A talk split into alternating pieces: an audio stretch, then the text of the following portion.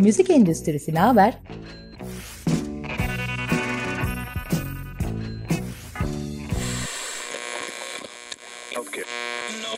Müzik endüstrisinin her alandaki dinamikleri.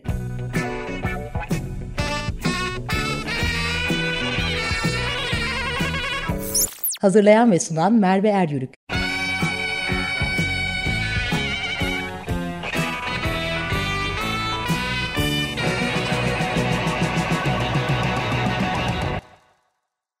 Merhabalar. Bu hafta müzik endüstrisinin önemli isimlerinden biri benimle birlikte olacak. Toplu hak yönetimi yapan meslek birliklerinden, yapımcıların haklarını koruyan, kısa ismiyle MÜYAP'ın eski genel sekreteri. Dünyada ve Türkiye'deki müzik endüstrisindeki gelişmeleri en güncel takip eden ve en kapsamlı Türkçe içerik sunan müzik analiz platformunun da editörü. Ahmet Hasan'a bizlerle birlikte. Ahmet Bey'in müzik endüstrisindeki eski ve güncel görevi çok önemli. Türkiye müzik endüstrisinin dijitalleşme sürecinde dünyadaki hıza yetişmesinde MÜYAP'ın, Ahmet Bey'in MÜYAP'taki görevini ve ayrıyetten kişilik özellikleri sebebiyle de katkısı çok büyük. Özetle Türkiye müzik endüstrisi dijitalleşme sürecine çok zaman kaybetmeden adapte olduysa bunu sağlayan kişilerden biri. Müzik endüstrisiyle de ilgileniyorsanız ki bu programı dinliyorsanız ilgileniyorsunuz diye düşünüyorum. Müzikanaliz.com web sitesinde takip etmenizi tavsiye ediyorum. Hoş geldiniz Ahmet Bey. Hoş bulduk Merve Hanım.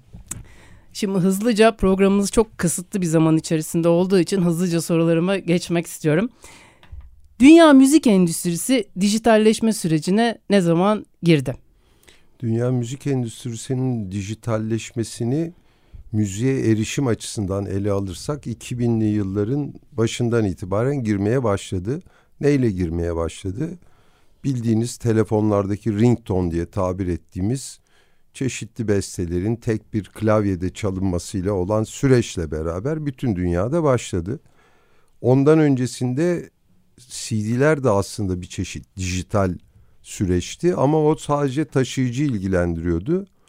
Ringtonlarla beraber başlayan, zil sesleriyle beraber başlayan ve bugün streaming dünyasına gelen süreç aslında tüketicilerin müziğe erişimini tamamen değiştiren bir hale geldi ve başka bir dünyaya artık bakıyoruz.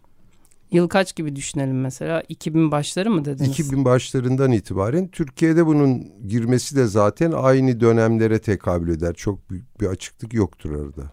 İyi, Türkiye bu anlamda hızlıca adapte oldu diyebiliyoruz o zaman. İlk giriş konuşmam doğru bir bilgi vermişim zaten. Doğru bir bilgi vermişsiniz. Ona güvendiğim için zaten ses çıkarmadım.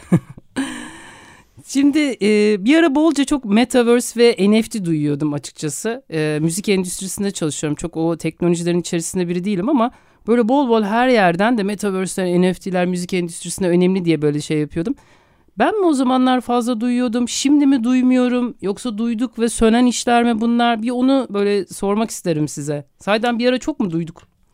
Bir ara gerçekten çok duyduk. Çünkü pandemi döneminde özellikle canlı konserler, e, diskotekler, barlar, kafeler kapanınca bütün dünyada bütün kültür sanat dallarında insanlar bir arayışın içerisine girdi. Metaverse yani sanal dünya diyebileceğimiz dünya e, bunun önemli unsurlarından birini oluşturdu. NFT'ler de sanal sanat ürünleri olarak ortaya çıktılar ve e, ciddi rakamlara satılan NFT'ler oldu. Çok ünlü sanatçılar Metaverse dünyasında konserler verdiler. Ama pandemi sonrasında normal rutinine dönmeye başlayınca hayat bunlar biraz geriledi. Pandemi süresindeki çıkışı aslında bir e, anomali olarak kabul etmek lazım. Çünkü tek bir NFT'nin 2-3 milyon dolara satıldığı bir süreçten e, yıllık cirosu 4-500 milyon dolarlardan bir anda 2.4-2.8 milyar dolarlara çıkan bir süreçten bahsediyoruz ve hepsi bunun iki senenin içerisinde oluyor. Bu normal bir yükseliş, normal bir gelişme trendi değildi. Hormonlu bir büyümeydi. Dolayısıyla hormonun etkisi azalınca şimdi normale dönmeye başladı. Ama normale dönerken bazı şeyler biliyorsunuz özellikle müzikte bir moda olarak gelir. Bir tane bir şarkı yapar birisi ortalığı yıkar ödüller alır. Sonra bir daha görmezsiniz, duymazsınız. Metaverse ve e, NFT böyle bir olay değil. O şu anda doğal rutini içerisinde gelişmeye devam eden bir olgu. bütün büyük müzik şirketlerine baktığımız zaman Universal'inden sonrasına Metaverse dünyasına yani sanal dünyaya e, yatırım yapmaya gayret ediyorlar. Şirketler satın alıyorlar, özel birimler oluşturuyorlar. NFT'ler de farklı biçimde kullanılıyor. NFT aslında bildiğiniz dijital taklit edilemez bir para birimi gibi bir şey. Yani kendisinin bizatihi başka bir anlamı yok. Bitcoin ya da benzer sanal paralarla alışverişinizi yaptınız bir sanat eseri olarak düşünün. Bir tablo, bir müzik onu oraya koydunuz. Şimdi nasıl kullanılmaya başlandı? Mesela bazı sanatçılar tamamen NFT'leri fanlarıyla ilişkilenmek için kullanıyorlar. Bilabedel dağıtıyorlar ve ikinci el piyasasında bunların 50 dolar 100 dolar gibi fiyatları ortaya çıkıyor. Burada Dolayıs- araya gireceğim. Buyurun. Şimdi Ahmet Bey'le müzik endüstrisini konuşunca genelde şimdi Ahmet Bey dünyayı çok takip ettiği için o tabii son güncel haberlerde oluyor. Şöyle müzik endüstrisi 101 gibi olsun. Bir kere bize bir metaverse ve NFT çok kısa ve çok basit. Bu endüstride olmayan birinin bile anlayacağı bir şekilde böyle anlatsanız şahane olur. Metaverse dediğimiz madem endüstride olmayanın anlayacağı gibi anlatacağım. Yazılışı gibi okuyayım. Tamam. Sanal dünya tam karşılığı sanal dünya. Yani bir ekrana bakarak bir konseri izlemeniz hali bir metaverse hali aslında. Metaverse hali sanal dünya. Ama esas nokta bu başlıklar dediğimiz üç boyutluluğu içeren bir dünyaya doğru gidiyoruz. Ve bu dünyanın içerisinde bir televizyon şovu ya da bir sinema filmi gibi bir sanallıktan bahsetmiyoruz. Onlar da sanal, elinizde dokunamıyorsunuz.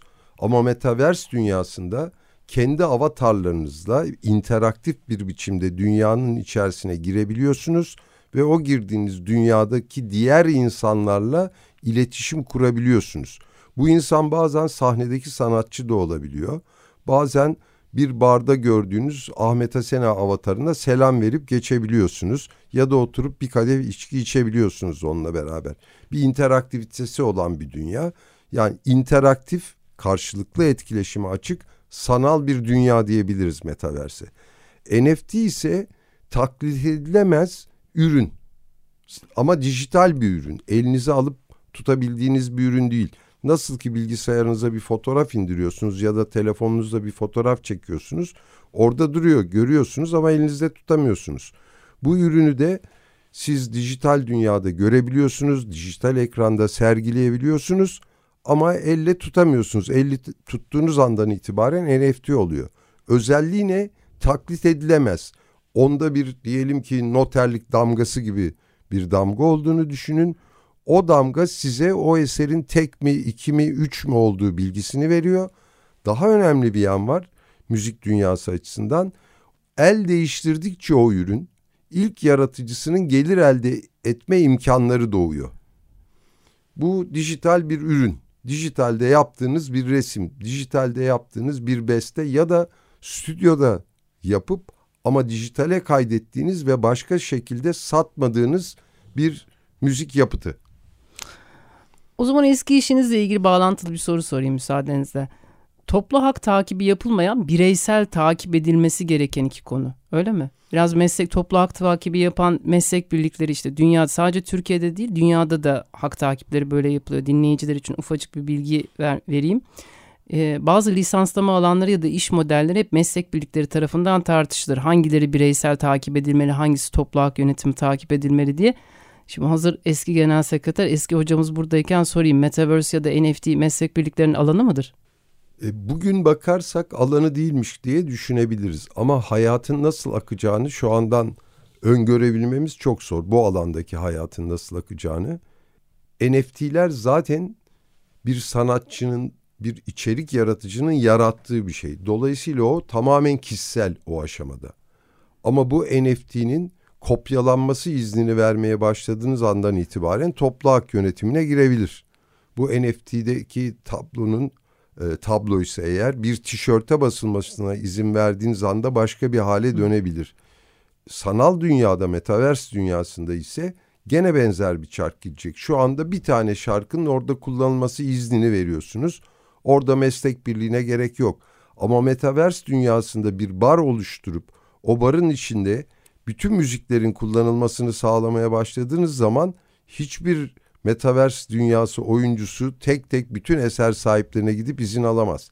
Dolayısıyla orada bir toplu hak yönetiminin ortaya çıkması gerekir.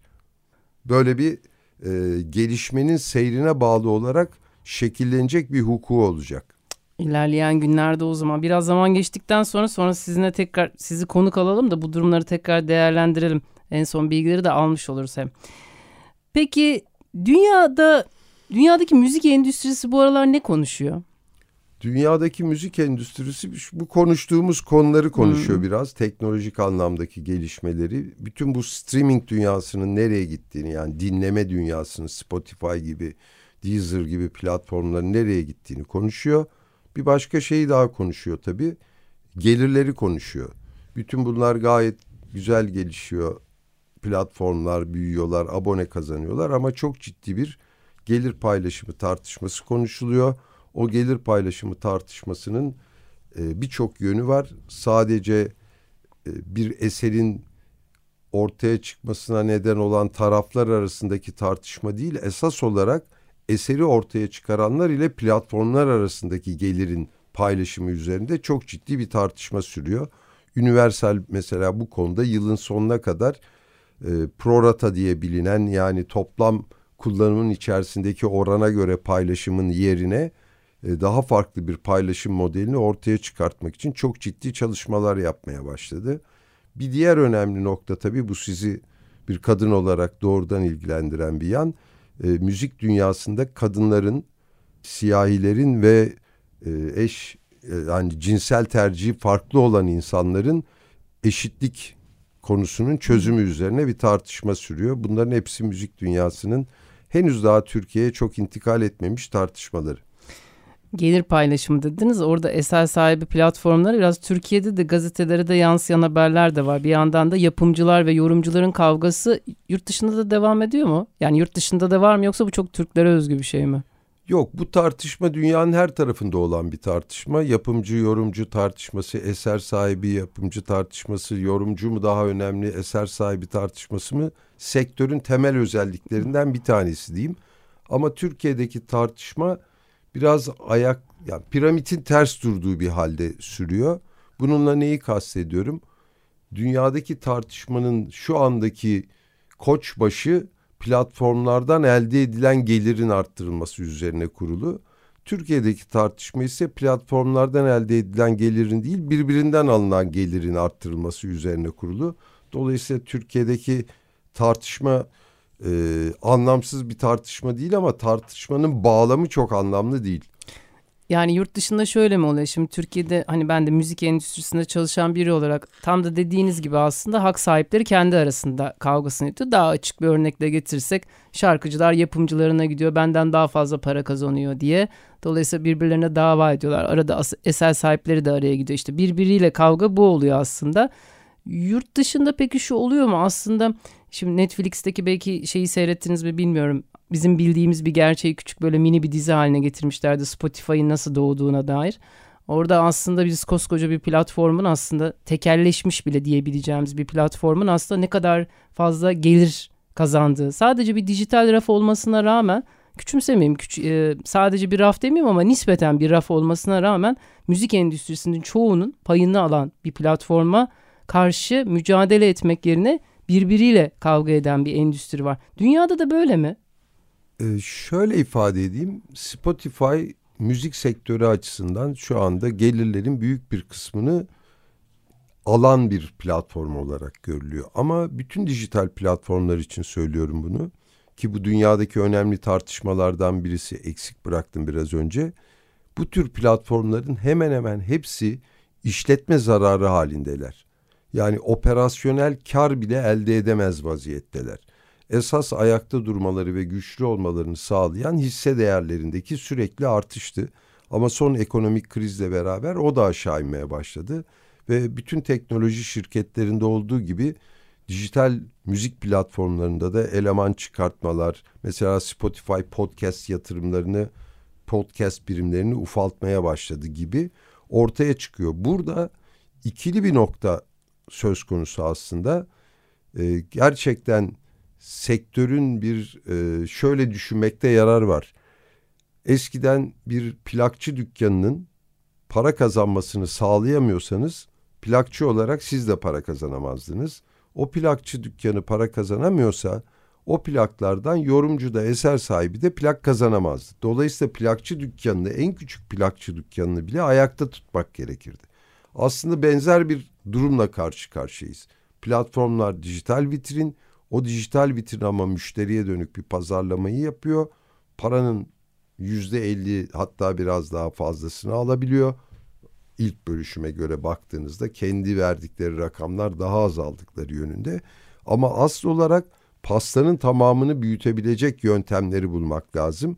Çünkü dijital pazarın, streaming pazarı henüz Avrupa'nın birkaç ülkesi dışında olgun pazara dönüşmedi. Yani kullanıcı sayısının artması yönünde kuvvetli tahminler var. Peki yine bu Türkiye'deki müzik endüstrisinin başlangıcından itibaren olan biri olarak bir de dünyayı takip eden biri olarak bu şimdi do it yourself dediğimiz kendin yap bu dijitalleşme süreciyle hayat zaten üretiminden tüketiciye ulaşan ki o süreç baya basitleşti diye görüyoruz. Yani benim bir şarkı sözü yazarı olsam bir yandan da home stüdyom olsa ve bunu da kaydetsem ve bir tane de bir platform üzerinden de Spotify'a rafa koyabiliyorum ve dinleyicilere ulaşabiliyorum. kadar kolay anlatılıyor ve her defasında her şeyi kendin başına yapabilirsin ve çok kolay dünyaya ulaşabilirsin gibi böyle bir hani Amerikan rüyası gibi bir şey anlatılıyordu. Bakıldığında doğru mu? Doğru. Sahiden işliyor mu bu model ya da gerçekten denildiği gibi mi? Onu sormak isterim size. Şimdi ben sizi birkaç kez şarkı söylerken dinledim. Sizin için işlemez. Ondan emin olabilirsiniz. Ama başkaları için çalışıyor mu derseniz mümkün olabilir bu. Şimdi do it yourself olayı aslında amatörlerden başlayarak profesyonellere kadar çünkü bu alandaki teknolojide müthiş bir gelişim gösterdi. İnsanlara kendi ürünlerini geliştirip vitrine koyma olanağı veriyor.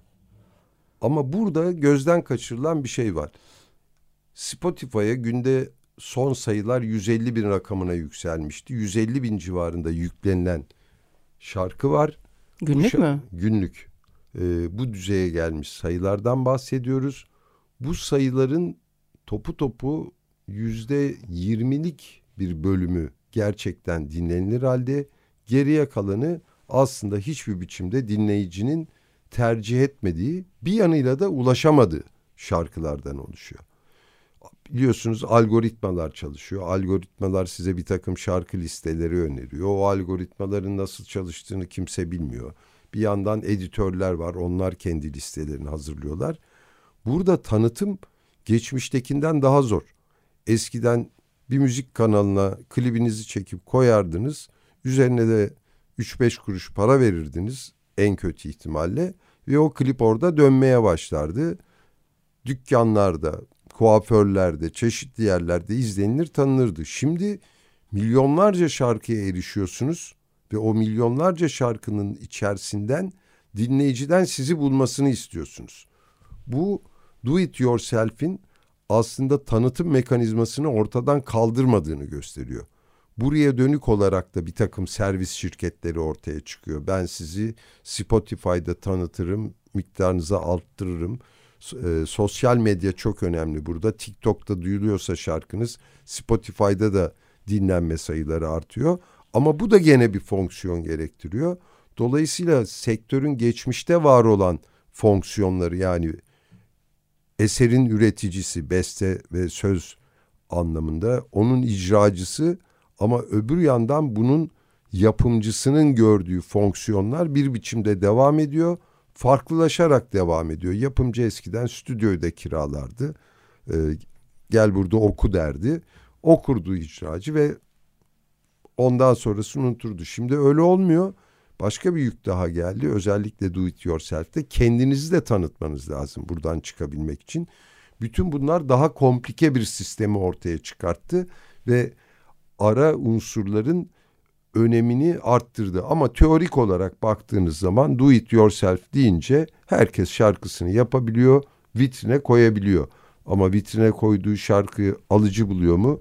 Burası kocaman bir soru işareti. Görünür olma şeyi ama soruyu cevaplarken ki yaklaşımınızdan hiç şey olmadı Ahmet Bey. Yani ben de bir şarkı söylüyor olsam tekniği hem teorik olarak hem de belki duyulur ve görünür olurdum. Yine de teşekkür ediyorum ama katkınıza sağlık. Peki şey dünya müzik endüstrisi ne konuşuyor dedik ama şeyi söyledik mi peki? Ee, Türkiye'de paralel şeyler mi konuşuyor yoksa daha farklı şeyler konuşuyorlar mı?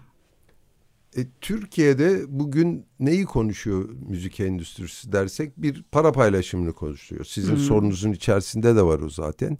Yani icracı, eser sahibi, yapımcı arasındaki paylaşımları tartışıyor. Senelerdir de tartışıyor bunu.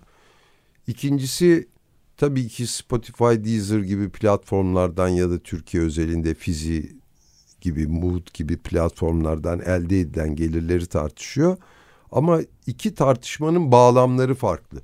Birbiriyle aynıymış gibi gözükmekle beraber yurt dışındaki tartışmalarla ilk baştaki ifade etmeye çalıştığım gibi bizde birbirinden almaya çalışan bir tartışma sürerken dünyada pastayı büyütürken alma üzerine bir tartışma sürüyor. Bu tartışma e, adım adım Türkiye'ye doğru da gelecek diye düşünüyorum. Daha parayı büyüten, pazarı büyüten, onun için neler yapılması gerektiğini düşünen bir tartışmaya da Türkiye'ye gireriz diye düşünüyorum. Bir de tartışma konulardan biri de belki sohbetlerimiz sırasında da ifade etmiştiniz daha önceki back katalog. Yani eski repertuarla ilgili olarak da şey bir soruya bağlamak istiyorum aslında bunu da e, şirketlerin satın almalarını okuyoruz hep. Şimdi ben müzik analizdeki haberlere baktığımda ya hukuksal mahkeme sonuçları olsun, yeni teknolojilerden bahsediyorsunuz. Bir de böyle sürekli bir şirketlerin satın almaları var. Tam olarak neyi satın alıyorlar? Eski repertuar mı? Küçük bir yapım şirketini, daha büyük bir yapım şirketini satın alması mı? Biraz da bu back kataloğun öneminden de bahsetsek iyi olur diye düşünüyorum. Sizin nasıl değerlendirirsiniz? Şimdi dünyadaki iyi bir hatırlatma oldu bu. Teşekkür ederim. Dünyadaki önemli trendlerden bir tanesi platformlarda eski repertuarın back katalog dediğimiz eski dönem şarkılarının tekrar canlanması. Bu çeşitli biçimlerde ortaya çıkabiliyor. Bir filmde kullanılıyor, patlıyor. Bir dizide kullanılıyor, patlıyor. Ama ondan öteye sistemli olarak bunu yeni nesillere sunma çalışması var. Çünkü eski katalog dediğimiz, back katalog dediğimiz şey aslında eski falan değil. Bir müzik eseri sonuçta, bir müzik yapıtı. Onu sadece dinlememiş gençler. Bir rock şarkısını, bir jetrotal parçasını yenilere ulaştırdığınız zaman talep görmeye başlıyor. Bunun hem yapımcı, hem icracı, hem eser sahibi açısından avantajı ne? Yeniden bir emek harcamaksızın bundan bir gelir elde etmeye başlıyor. Yani bir çeşit evini kiraya vermiş ve buradan kira geliri elde eder gibi oluyor.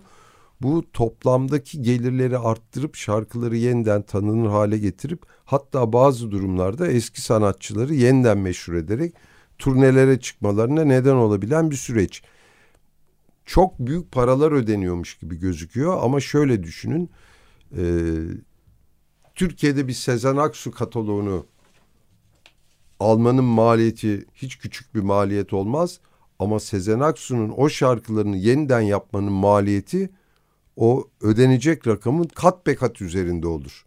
Yeni bir Sezen Aksu bulmanız lazım. Yeni bir söz yazarı bulmanız hmm. lazım. Gürel gibi. Yani bu böyle kolay bir iş değil. Dolayısıyla eski kataloğun kullanılması yapım şirketlerinin, platformların herkesin işine gelen bir olay.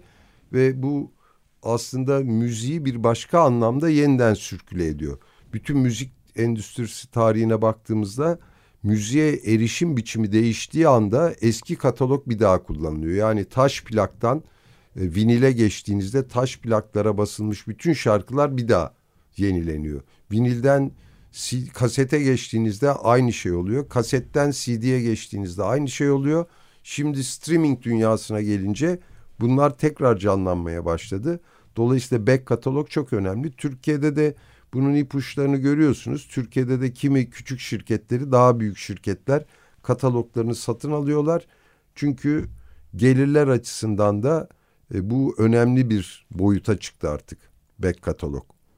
Müzik endüstrisine yeni giren birinin işi ne kadar zor ya. Yani günde 150 bin şarkının yüklendiğini düşünüyoruz. Back katalogda bir yandan da koşuyor. Dolayısıyla o 150 bin tane yeni yüklenen belki çok sıfır kilometre yeni insanlar ama bir yandan da back kataloğun da böyle ön plana çıkması zor işler. Neyse şey yapmayayım çok fazla kötümser bir şey yapmayayım ama Peki son sorum aslında Ahmet Bey'e sormak istediğim çok şey var. Bir kere blockchain'i çok sormak istiyordum. Ee, onu artık başka bir programa saklarız. Hem e, tekrar bizi ziyaret eder Ahmet Bey bu vesileyle. Şimdi biz müzik sektöründe download'u gördük. Ee, Türkçesi ne oluyor? İndirme, İndirme. indirme modelini gördük. Sonrasında streaming modeline çok hızlı bir şekilde geçtik ve streaming hemen çok hızlı bir şekilde streaming'e de adapte oluyoruz. Herhalde e, şeyi gözlemliyorum bilmem katılır mısınız? Müzik endüstrisinde aslında yapımcılar, icracılar ya da eser sahipleri olan e, bu hak sahipleri endüstrideki gelişmeleri daha yavaş takip ediyorlar ama dinleyiciler müthiş bir hızla adapte oluyorlar. Streaming'e geçince mesela tekrar download'a geçilemeyeceği gibi streaming'i tecrübe ettik. Hızlı bir şekilde de ilerlediğini görüyoruz. Bir şey yine dinleyiciler nezdinde.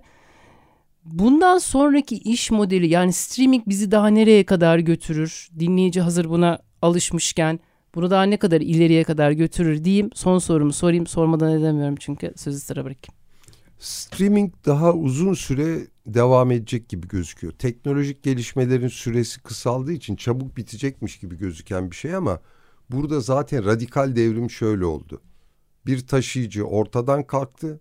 Sanal bir dünyada erişir oldunuz. Bu uzun elimli bir olay.